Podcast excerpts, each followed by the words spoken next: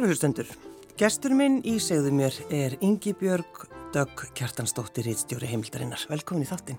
Takk fyrir. Ertu alveg uppið mikinn aga? Já, reyndar.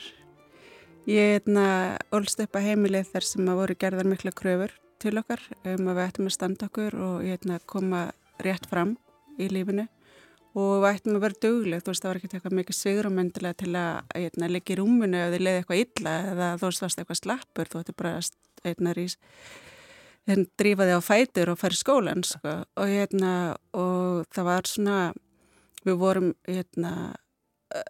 fjögur sískininn á heimilinu og samsett fjölskylda.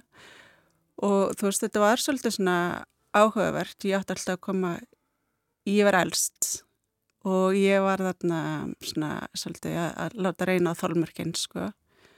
Og alltaf eftir því sem að ég sko reyndi að brjótast út í raganum því meiri varðan og hérna og þetta var svona vítarhingur sem að vatti upp að sig þú veist ég ætti hérna úrlingsárunum var ég farin að gera alls konar svona óskunda og, og hérna og þá var alltaf settur sko út þessi tími framar og fyrr og fyrr og ég kom heim og hérna þú veist, það er kannski réttum tíma en fór svo aftur út um glöggan sko. Sem að gerða verkum að vera settar ennþarstrangara reglur sko. Og ég held einhvern veginn alltaf að ég myndi komast upp með þetta en ég gerði það aldrei. En, en ég, na, ég var sko, ég fór í gegnum svona tímbil uh, þegar ég var sko svona aðeins áttum á því hvað, hvað ég, na, hvernig þetta hafi mótað mig og þar sem ég var svolítið svona sár yfir því hvernig aðstæðar að heimilinu voru. En í dag þú veist það er ég svo þakklátt fyrir það að mér hafi verið einhvern veginn innrætt svona þessi gildi og þetta lífsviðhóð að, að hérna bara halda áfram og standa sig Gefast og gera sitt, sitt besta, Já. þú veist við fengum svona okkurna siglu og það var mjög margt sem var líka bara mjög fallegt sko mm. og ég held að það sé alveg svona kannski heilbrygt og eðlilegt og þurfum að fara í gegnum eitthvað svona tíma þú veist þú gerir eitthvað upp og þá er það rosalega sárt en svo kannski eftir, e, e, þú veist eins og hjá mér núna þá líða einhver ár og þetta setur með þér og þú ert að melda þetta og það ser alltaf meira og meira fegurðina í því, þú veist, ég veit að hérna, pappi minn og stjúpmaður minn, þeir voru bæði að gera sitt besta og oft í ótrúlega miklu e, hérna, flokknum aðstæðum og undir miklu álægi, sko. Mm. og við sískinum voru náttúrulega öll mjög ólík. Þú veist, ég á hérna sískinni sem eru hérna, afreiksbörni í Íþróttum og og ég var svona meira svona önnu týpa bara, ég var svona hefði kannski þurft að dunda mér meira eða þú veist, sitja og tekna eða eitthvað þú gerður það ekki? Nei Ekki alveg? Nei, það var kannski ekki alveg svona stemmingin mm. En varstu þá, Ingeborg, varstu þá varstu reið, varstu fjúkandi reið yfir þessu öllu? Já, já, sko, þetta er svolítið áhugast með að vera reið, þetta því að það er bara nokkur ár sem ég átti maður að konur mætti vera reiðar og ég mætti vera reið að því það var svona gegnum minn feril þú veist það hefur alltaf verið spurt sko af hverju þetta svona reyð að því ég var að fjalla um sko kynbundi ábyldi og misrétti og, og verið að setja þannig málu dagskrá og svo mæti mér alltaf einhver kallar sem er bara eitthvað af hverju þetta svona reyð Já.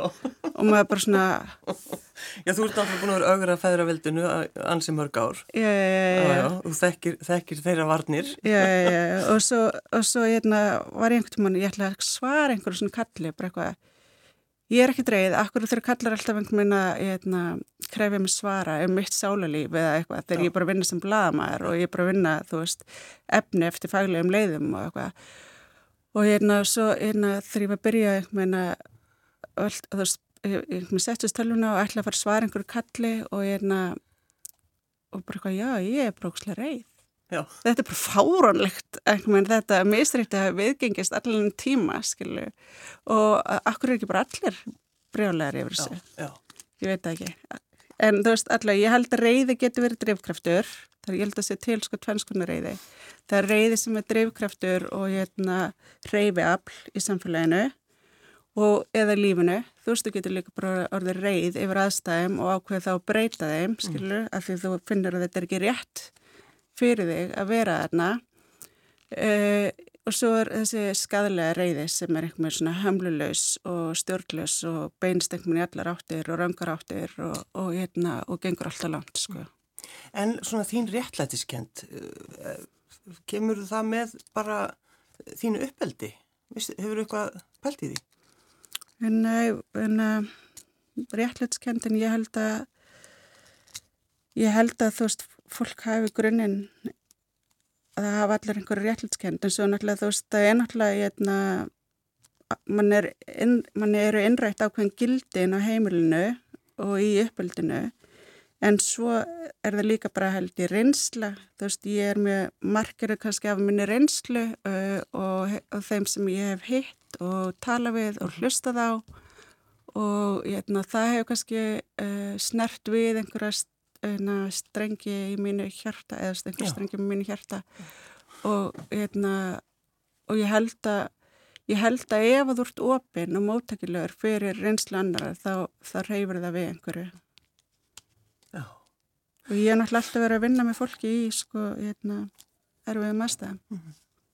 Hefur einhvern tíma að skrifa bara greinum eitthvað bara svona, hvað við segja súklaði kukubakstur eða þú veist Ég, ég tók tímabill þegar ég var á DVF fyrir nokkrum árið síðan svona kannski tvöst og eftir biskupsmáli held ég, ég tók hérna biskupsmálið og svo mörg svona ofsalega erfið hérna, og þung svona kemfyrirsbrotumál mm. og það kom að einhverjum tímpunkti þar sem ég var svolítið þreytt og ég skrifaði bara um hamingina í mánuð En frábært eins og bara fari, næstu að fara í jóka Já, já, ég var bara eitthvað ringjandi í hérna, fólk út um allir bæ og bara hver er líkillin hamingina, hvað er hamingjan þú veist og eitthvað. Og, og veistu það?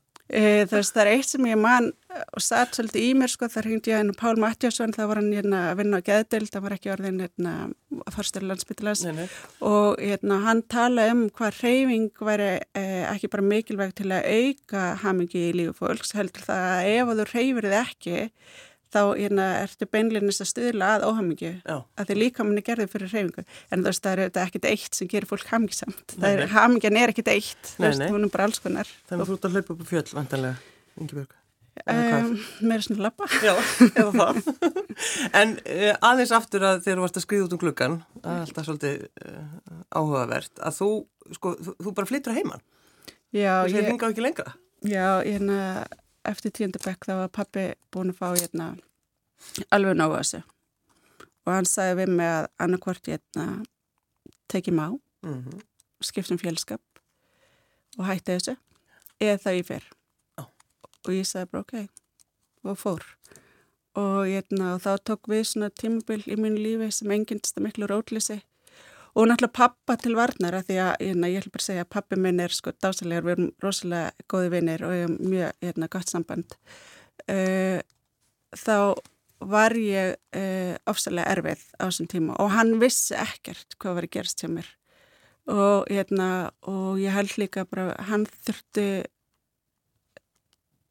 bæði tíma til kannski að þú veist verða fullurinn og horfast meira í betri ég sjálf og seg og sína hérna sögu og svo líka bara hérna, var ég sjálf ekki að þeim stað að ég leitaði til að segja tristunum fyrir mér eða sagði hann hvernig mér leið mm -hmm. þannig ég var meira svona lögstangt flóta og hann vissi ekkert hvað var að gerast og skildi það ekki og var bara algjörlega ráðalus skakvart mér sem að var það á einhver svona mjög hérna, hvað maður segja, vafa samri vekkferði eða þú veist, ég var ekki á beinibröytunni í lífunni og, hérna, og hann svona byði mig um að hérna, taka maður í lífinu mm. og, og, hérna, og gera þetta bærilegra fyrir allir fjölskyldina og ég er náttúrulega bara verið sem ekki til uppreysna, ég er bara fór sko. Ja.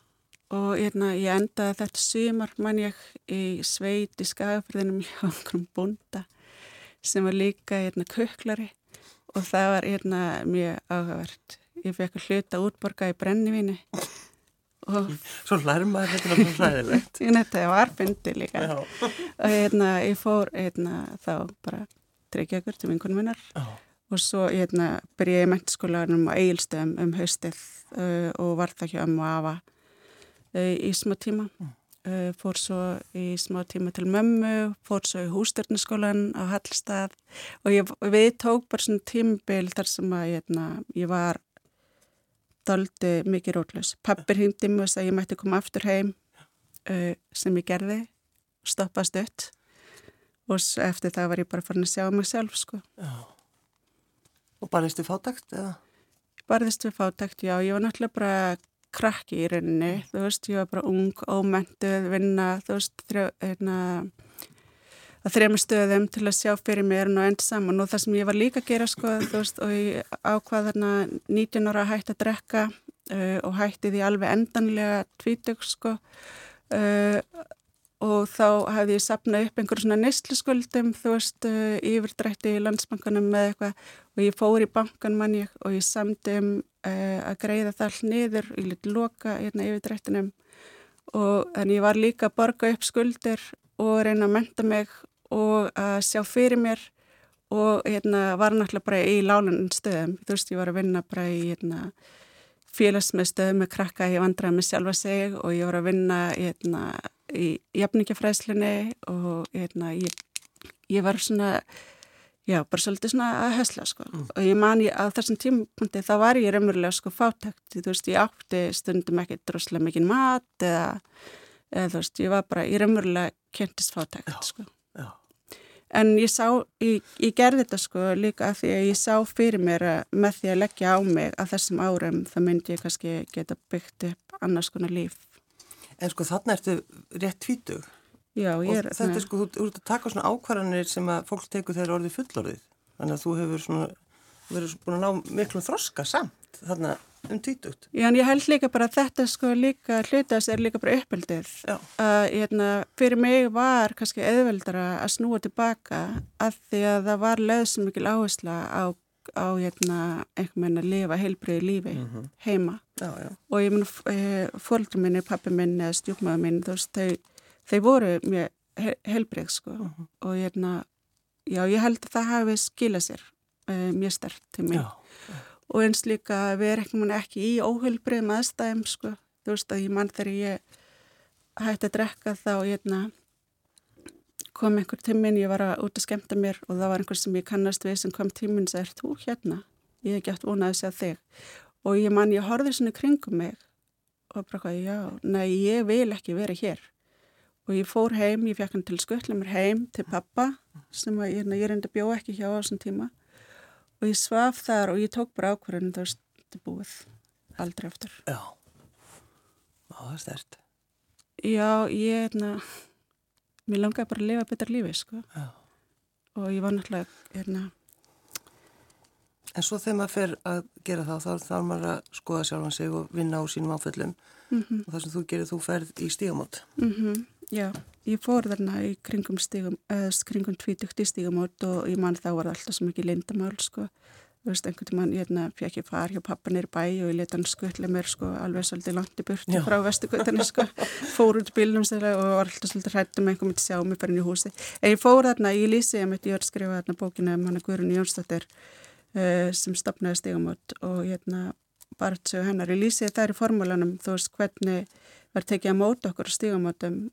Ég fór þarna í eitt tíma til ráðgjafa mm. að því ég var að hérna, óska eftir einhvers konar hérna, stuðningi varðandi aðstæðar sem ég var í og reyði ekki alveg við og vissi ekki hvernig ég ætti að taksta á við og þá spurði hérna, ráðgjafan hvort ég hefði orði fyrir kemfyrsöfliti og hérna, jú, reyndar en ég sá ekki að það hefði marka minn eitt sko. Mm. Ég ég var einhvern veginn eina af þessum stelpum sem að reyndi bara að rífa mig upp í rúmunu og gleima þessu, þú veist, afnæta þessu, þú veist, og, hérna, og jú, það var sárt. En ekki það ég ætlaði að láta eitthvað svona ábeldi skilgrinni mig eða hafa áhrif á mig eða þú veist, hérna já, móta mig með einhverjum hættu sko. Ég vildi það ekki mm. en í staðin þar laði ég að flóta og það er þessi flóti sem ég er búin að vera að lýsa fyrir þér núna og ég sagði einhverjum frá því hvað kom fyrir mig. Þú veist, ég sagði fóröldrum minnum aldrei frá því. Ég sagði, hérna, bestu vinkunum minnum frá því en hérna, hún var náttúrulega, hún var bara mér ómetanleg sko en hún var náttúrulega líka ung stelpa. Þú veist, við hefðum enga færnið þröska til að takast á við þetta og hérna já og ég man bara einhvern veginn á þeirri vekkverfi þú veist ég var einhvern veginn ekkert svo eina sem að gera þetta. Þú veist við vorum svo marga stelpur sem voru mjög sem aðstæðum. Og fyrir mér var það einhvern veginn bara svolítið normið eða ok, ég ætla ekki að segja normið en hluti af lífinu samt. Mm -hmm. þú veist, þú verður bara fyrir einhverja áfyllum og ofbeldi og það þarfst bara að harka af þér og halda áfram Uh, standi lappinnar standi lappinnar, já, ég verði döguleg og ég held líka bara á þessum árum þá hafði ég kannski ekkert mikið svigurum til að brotna. Eða ég gafi mér það ekki. Og, hérna, og þess vegna held ég líka að ég, er með kenningu sem ég hef talað um við eh, leiknum einn og hún sagði að þetta getur mjög vel staðist að konur sem, að þú veist að það er svo mikið konur sem brotna með um aldrei mm -hmm. og það er þegar þær eru búinar að hérna þú veist, byggja upp líf þar sem það er að hafa sveigurum til að brotna. Að því að þegar þeir voru yngri það þurftur bara að koma upp húsnæði. Þú þurftur að hérna, menta þig. Þú þurftur að sjá fyrir börnunum þínum og hugsa um þau og hlúa þeim. Og þú hefur ekkert rosalega mikið sveigurum ef þú ætlar í gegnum að festast einhver starf í fátaktakildru eða festast í einhver, einhverjum uh, á einhverjum vond stað skilur. Þú setur bara undir þau hausinn og bara áfram Já, Já, en þú veist, auðvitað er það, veist, þetta var hérna heldur svona undirlikjandi hugsin, auðvitað er það náttúrulega samt þannig að þú getur alveg brotnað og þú getur þið unni út úr því og þú getur haldið áfram, mm. skilju. En ég kannski skildi ekki alveg þá eða ég hafði kannski ekki þroskan til að átta mig á því, ég bara held áfram. Já, já. En uh, náður bata þarna eftir að hafa farið í stígamót? Byrjaði það? Já, ég held að það sé að þú veist, hérna, að því ég var oft vel fyrir mér, þú veist, hvað það verkum að ég náðu bata en það eru margir sem gera það ekki mm -hmm. uh, og hérna þeirra meðal bara, þú veist, fólk sem þetta ekki mjög vandum.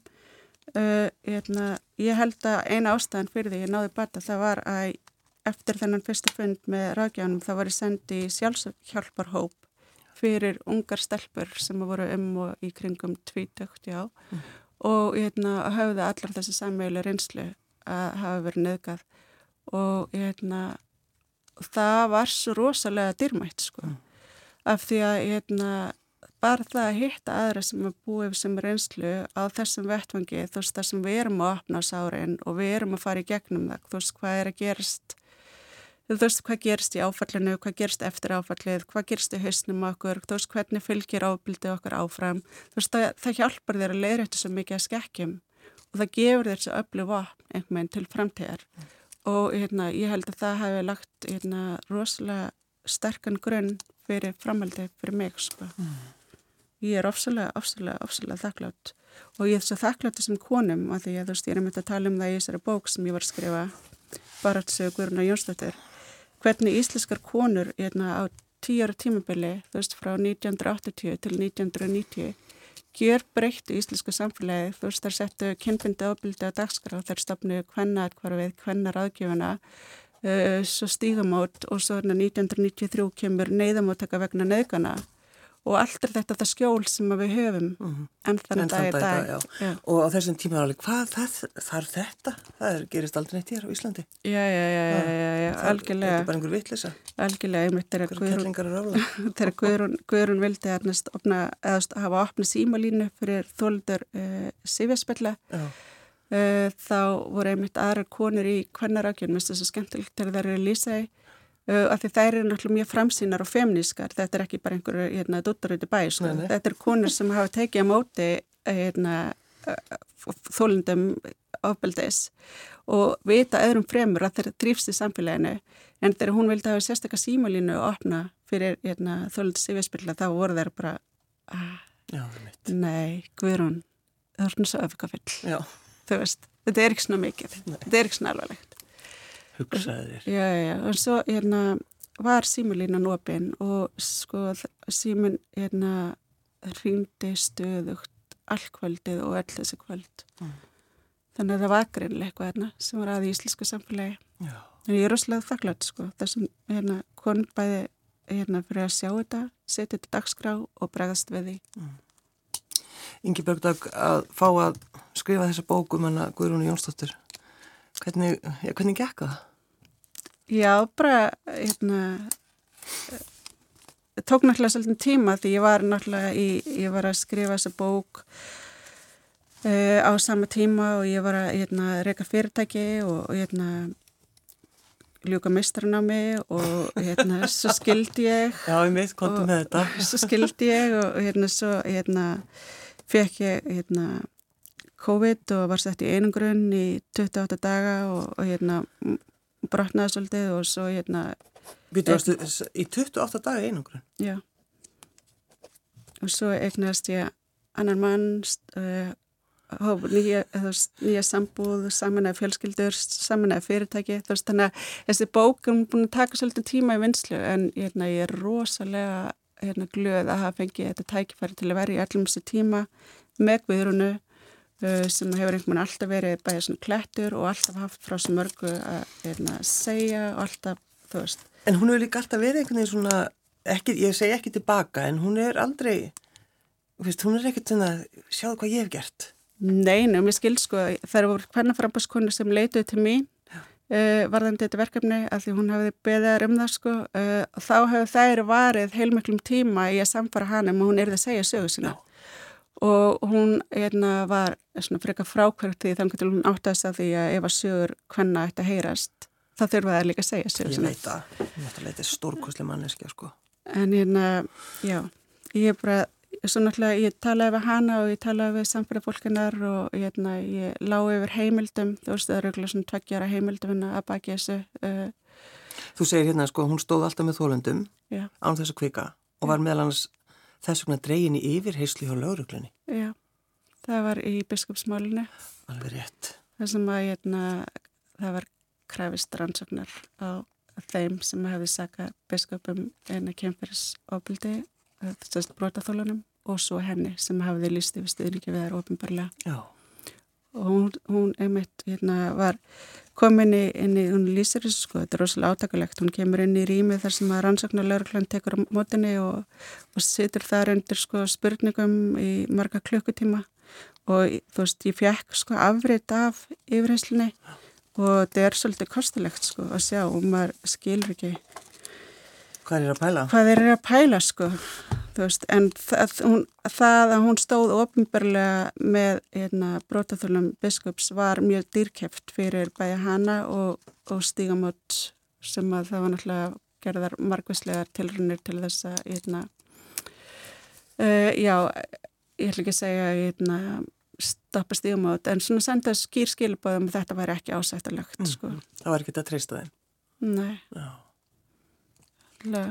lík saga en, en aðeins eh, tilbaka að eh, þegar þú ert að týna þetta til meðan þú ert að skrifa þessa stórkoslu bók mm -hmm. að, að það sem þú týnir, þú veist, skilnaður mm -hmm. uh, einangrun, þú veist, í 28 daga Já, sko, fyrstu 40 dagarnir voru ekkit mál Nei. eftir 21 dag var þetta farið að vera svolítið þungt eftir 28 daga þá var ég alveg svo brotin að ég var sko, ég er tvö ára að jafna mig eftir það Er það? Fegstu þá áfalla streytur öskun eða? Já, ég greindist, já, ég greindist sko með áfallastreitur öskun svona árið setna. Já. Ég veit ekkert hvort að það var akkurat þetta sem gerði en það, það brotnaði eitthvað sko. Já. Ég misti varnirna mínar á að vera svona lengi einangrun og þetta er svo skrítið sko. Ég hef myndið sko farið, uh, ég farið inn í fangilsi þú veist, ég, ég fór inn í kvennafangilsi í Kópói til dæmis og það er eftir fjóra daga, þú veist það ætla að vera einhver tíma til fjallum aðstæðar kvenna í fangilsi og eftir fjóru dag þá mann ég fekk bara svona köpnintilfinningu og ég varð að fara og ég kom aldrei aftur. Uh, en þarna lokaðist ég inn á heimilinu mínu og ég var náttúrulega, hafði ekki gert neitt að mér, ég var bara með COVID. Já, já. En það mátti enginn koma nálagt mér sko og þetta var einmitt á svona, uh, uh, þú veist, meðan samfélagi var ennþá svo rætt mhm. við mm -hmm. þessa, hérna, veiru og hérna, ja, þennan faraldur og það var svo mikil reyði í kringum þetta og það var svo mikil stakam og, Hérna, Smittskömmin? Smittskömmin og þú veist, ég mann, hérna, ég tala held ég hérna, einu sinni við sonnminn sem að þá var ég upp á þriðju hæð og hann var einhvern veginn í, þú veist, þannig niðri í andrinu sko og, og það var svo langt á millokkar og þú veist, það var svo erfitt að geta ekki snert neitt og og þess að erfitt að geta ekki einhvern veginn verið í svona nánum tengsli og fólki í svona rosalega langan tíma og eina, eina skiptin sem ég átti samskipt við einhvern, það var þegar einhver kom og satt fyrir utan glukkan hjá mér hérna niður á götu ja. og ég, hérna, ég var einhvern veginn í glukkanum upp á þriða hæða vinga út sko ja. en þú veist, það var útrúlega dýrmætt þú veist, að í svona erfiðum aðstæðan það sér maður líka hvað oft þarf lítið til að glæðja en, en þú veist, því lengur sem það ert í svona aðstæðum því hérna, verður að brotna mm. og ég brotnaði undan þessu. Varst þið hissaði?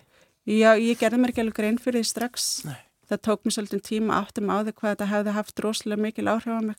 Ég held ég hef ekki séð það almennilega fyrir en einmittarna kannski einhverjum mánuðum eða árið setna og ég var held ég alveg tvö ára mig sko. Mm. og, hérna, og ég held, ég tala líka við einhvern sérfræng sem hringdi með menn í varni í einangrunni, hún sagði að þeir sem hafa orði fyrir áföllum, þeir eiga oft erfiðara með að þóla einangrunn og, hérna, og það var bara eitthvað svona gömul sár sem að opnaust mm. og hérna, líka, ég, þú veist, ég, ég misti varninu mínar og það, ég varð sko sami tíma uh, með mjög umdilt mál, erfið mál í vinnunni sem, sem ég var skrifum uh, og það var farið mér harkalega gegn mér og hérna, ég held einhvern veginn að svo les myndi aldrei hafa áhrif á mig þanga til allt í henni að það gerði það. Og, hérna, og það enda með því að þú veist ég fór uh, í mánuð í frí bara til að hlúa mér og farið nött og bara taka þetta líkamlega. Mm -hmm. þú veist uh, því að ég held að þegar áfall sitja í líkamannum þú veist þá er bara, þú getur talað um það og það getur hjálpað þér en svo kemur að einhverjum tímapunkti þar sem þú þarf bara að halda þetta um líkamann eða þú veist, þú þarf bara að hlúa líkamannum og hérna að róa tögakjörfið. Hva, hvað varst að skrifa um þannig? Hvaða mál varstu með? ég var með, með einhver forræðismál og eitthvað sem er erfiðastu máli sem hægt er að taka og það er svo mikil reyði sem fylgir því og það er með... Og áreitið, væntanlega. Já og yfirleitt er þetta ekki svarkvít mál, uh, þú veist, eða innföld, uh, já, það var það svo, var líka einhver kemfyrsbrotnumál. Já, en, en maður er mitt, sko, því maður hefur fylst með þér Ingi Björgdag frá því þú uh, byrjar sem blað, blaðamæður og það er einmitt þetta, öll þessi rosalega erfiðu mál sem skrifurum. Mm -hmm. Ég er ekki tissað að við skrifaðum haminguna hann í einn mánu, en ég er líka fegin að þú heldur áfram að skrifa um þessar hluti sem skiptir svo miklu máli mm -hmm. og svona og, og, einhvern veginn að gefa manni einhverja skinnsemi líka mm -hmm. Ég held líka bara að þegar þú ferð að heyra sögur fólks mm. og sögur hverna og þær fara að leita til þín þú veist þá þá náttúrulega getur ekki setið á því þú þarfst að þarfst að koma þess einhvern veginn út þú þarfst að eitna, spekla samfélagi þú þarfst að sína þennan veruleika um, að því hann er rimurlegur sko Já Já. Já. Hvað, svo komið stimpill á þessa bók? Hann stundir svolítið falinsamt. Já, jú, jú. En já, stimpill. Já, það ekki, velun og stimpill, eða hvað, tilnæmt? Tilnæmt til Íslenska bókmyndavelununa. Já, hvað, kætti það þig? Ég, ég var svo hissa, ég var svo glöð, ég, að, ég, ég hafði skotist út í hátæðinu, ég ætlaði að fara að fá mig fisk en það var lokað þannig að við endum ekki með hlöllabátum uh, og þar fyrir ekki símdal og um að ég hef verið tilnum til Íslensku bókmyndavelina og mér finnst það svo hérna, fyndið að skemmtilegt þessar hérna, hérna, að vera hann um hlöllubótin verður ekki íslenskara? Já, vitið það að fá mér eitt bita? Já, já, en nei, já, ég er bara það er bara geggjant, bara ótrúlega gaman. Já. ég er bara líka svo glöð út af því að þú veist, Guðrún berskjölda sig alveg í þessari sögu mm. og hún gengur svo nærri sér og, hérna, og þetta er enginn svona halleluja frásögn af henni sko. við erum að taka á erfiðum málum sem að snerta hana og, og þar sem að hún hefur líka verið sko, gerandi veist, sem fylgtrúi barnavendar gagvart fólki í braggakvarfum mm. og svo erum við að hérna, þú veist fara í gegnum, þú veist, bæði sorgi og sigra og allt þetta, þannig ég var svo ánað fyrir hennar hend að bókin skildi fá góður viðtekur, saga hennar að því hún nefndir einmitt brakka hverfið, hún er náttúrulega, hún lærði, er það ekki félagsráðgjöf? Jú, hún fyrst til Íslenski félagsráðgjöfin Já, akkurat. Og þegar hún kom heim, þá vissi enginn hvað þetta gera við hana. hvað getur við látið hann að gera? Já, já, já. Og hún nefnist sko lýsir því að hérna, aðstæðarnar hér í, í barnavendinni voru ekki í neinu, neinu samræmi við neitt sem hún hafi kynst út í Svíþjóð, sko. Mm -hmm. Hvorki í náminni nýja í starfsnami, sko. Þannig að, já og, og þetta var rosalega þungur tími sko. Já.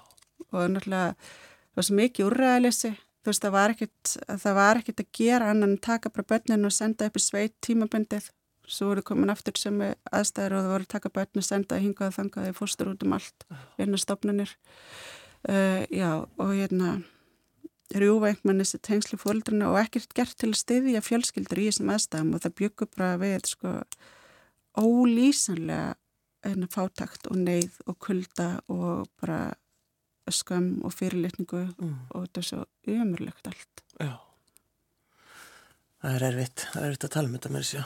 Mm. En, uh, en þetta er líka um reynslan markamann, þetta er líka það sem er sko drivkraftur hjá henni, þú veist, bæðið þú veist, neyðin sem hún kentist á Vík Mýrdal þar sem hún fættist ára 1931 og stjættaskiptingin og svo eitna, þessi reynsla þarna, þetta er líka drivkraftur hjá henni þegar hún fer svo að berjast fyrir réttandi hvenna og barna í íslenska samfélagi. Og þá er hún, eitna, þú veist, komið með svo sterkar sín og svo sterkar réttlætskend að hún gefur engan afslátt og það er bara, bara áfram veginn sko, alltaf. Aldrei að gefa afslátt. Aldrei. Nei, það er bara, er það ekki akkurat málið? Er það, er það ekki sem maður á að kenna bönnunum sínum? Jú, það ekki. Já, ég held það ekki gefa nýtt nafslega. Nei, og, og standa sig og ekki gefa stuð. en stundum er alltaf að vera svolítið hérna svegarlega. Jú, og... já, við draga, draugum við það tilbaka. Já, nei, nei. Stundum að vera maður sína sjálfsir og öðrum meldi. Jú, jú, akkurat. En e, ert þú búin að byggja því semst alveg upp, Ingi Börgdag, eftir þessa, þetta áfall þitt og, og uh, veist, COVID og skilnaður og allt þetta? Ertu á góðan stað? Er ég? Já. Já, ég er á mjög góðan stað í dag. Mm. Bara, hérna, hæmksam og glöð og, hérna, sterk og frjáls og bara afslulega mikill styrkur um því að losna undan skömminni. Já. Þú veist. Þannig að, jú, algjörlega, en þú veist að þetta lífi er alltaf bara alls konar. Jú, jú. Við erum alls konar. Við erum það reynum að verða anskari hverjum daginn eh, Er eitthvað, þú veist, hefur þú einhver önnur áhugamál heldur en bladamennsku? Um, já, ég er náttúrulega skemmtilegast það sem ég ger er bara að pakka eh, söpboka og, og dýna inn í bíl og hérna kæra upp á hálindið Já, og svo í tjaldi? Já, já eða bílnum. Já, en, þú og þinn maður gerir þetta? Já, um, ég skilt svo í skottinu. En ég hérna mann endur samt ekkert mjög lengi í þennan aðstæðum sko en að, það þarf maður að draga fram tjálta eða finna eitthvað skála eða eitthvað en ég er hérna, jú, mér finnst það skemmtilegast, skemmtilegast það sem ég geri og, sérstaklega ef það er fyrirvaralust og, og ótrúlega gaman ef það er ekkert plan og við veitum ekki endilega hvað þessi lengi verðum eða hvert við erum að fara eitthvað heldum bara einhvern veginn látum við rekast að reyðanum og, og það er svo mikið frelsi sem fylgir því að mér finnst það alveg ekki að sko. Já, hver er maðurinn? Hendur Jón Trösti Hvað, þið voru vinir lengi? Já, hann er sem sagt, við stopnaðum saman stundina á sín tíma og, og hefum starfað saman í rauninni síðan sko 2006 Já. þar sem ég byrjaði á mannlifi og var þar þrjá mánu aður en við stopnaðum svo Ísafóld, tímuriti Ísafóld mm. sem að, hérna, já, það var svo tekið úr, hérna, það var svo tekið úr, hérna, svona lausasölu stöðum vegna umfjöllunar sem við unnum Þannig að það var því sjálfhægt. Uh, svo fórum við einna, saman á, að ég fór í nýtt líf og var rittstur þar og rittstur hús á Hýbula og hann fór yfir af. Uh, þannig sem ég fór svo setna. En jújú, jú, við erum búin að vera vinni lengi og hérna, börnin okkar voru vinnir mm. og þú veist, það voru mikil tengsl þarna milli. Maður held alltaf að þið væri kæristupar því þið voru einhvern veginn, maður sá okkur alltaf saman. Já, Já, við vorum mjög góðu vinnir. Er, er, finnst þið það, er það góðu grunnur að góðu, góðu sambandi? Já, var einhvers að segja við mig að maður ætti að byrja með besta vinn sinum. Já. Ég held að það sé bara mjög snögt, sko. Já. Já. Ingi Börgdag, ég bæði að velja lag. Mm -hmm. Fyrst allar að finna einhvern feminískan óð. Já, já. Dóma heimsins. En, en, það er svo að texti í því. En ég enda að taka bílana. Þetta er lag sem að ég er ég get alltaf hlusta á fengja svona hlíti hjartað. Mm. við það bara æði. Já, þetta er, hér komst þessan Ingi Börg Dögg Kjartansdóttir Íðstjóri heimildarinnar, takk fyrir að koma. Takk fyrir mig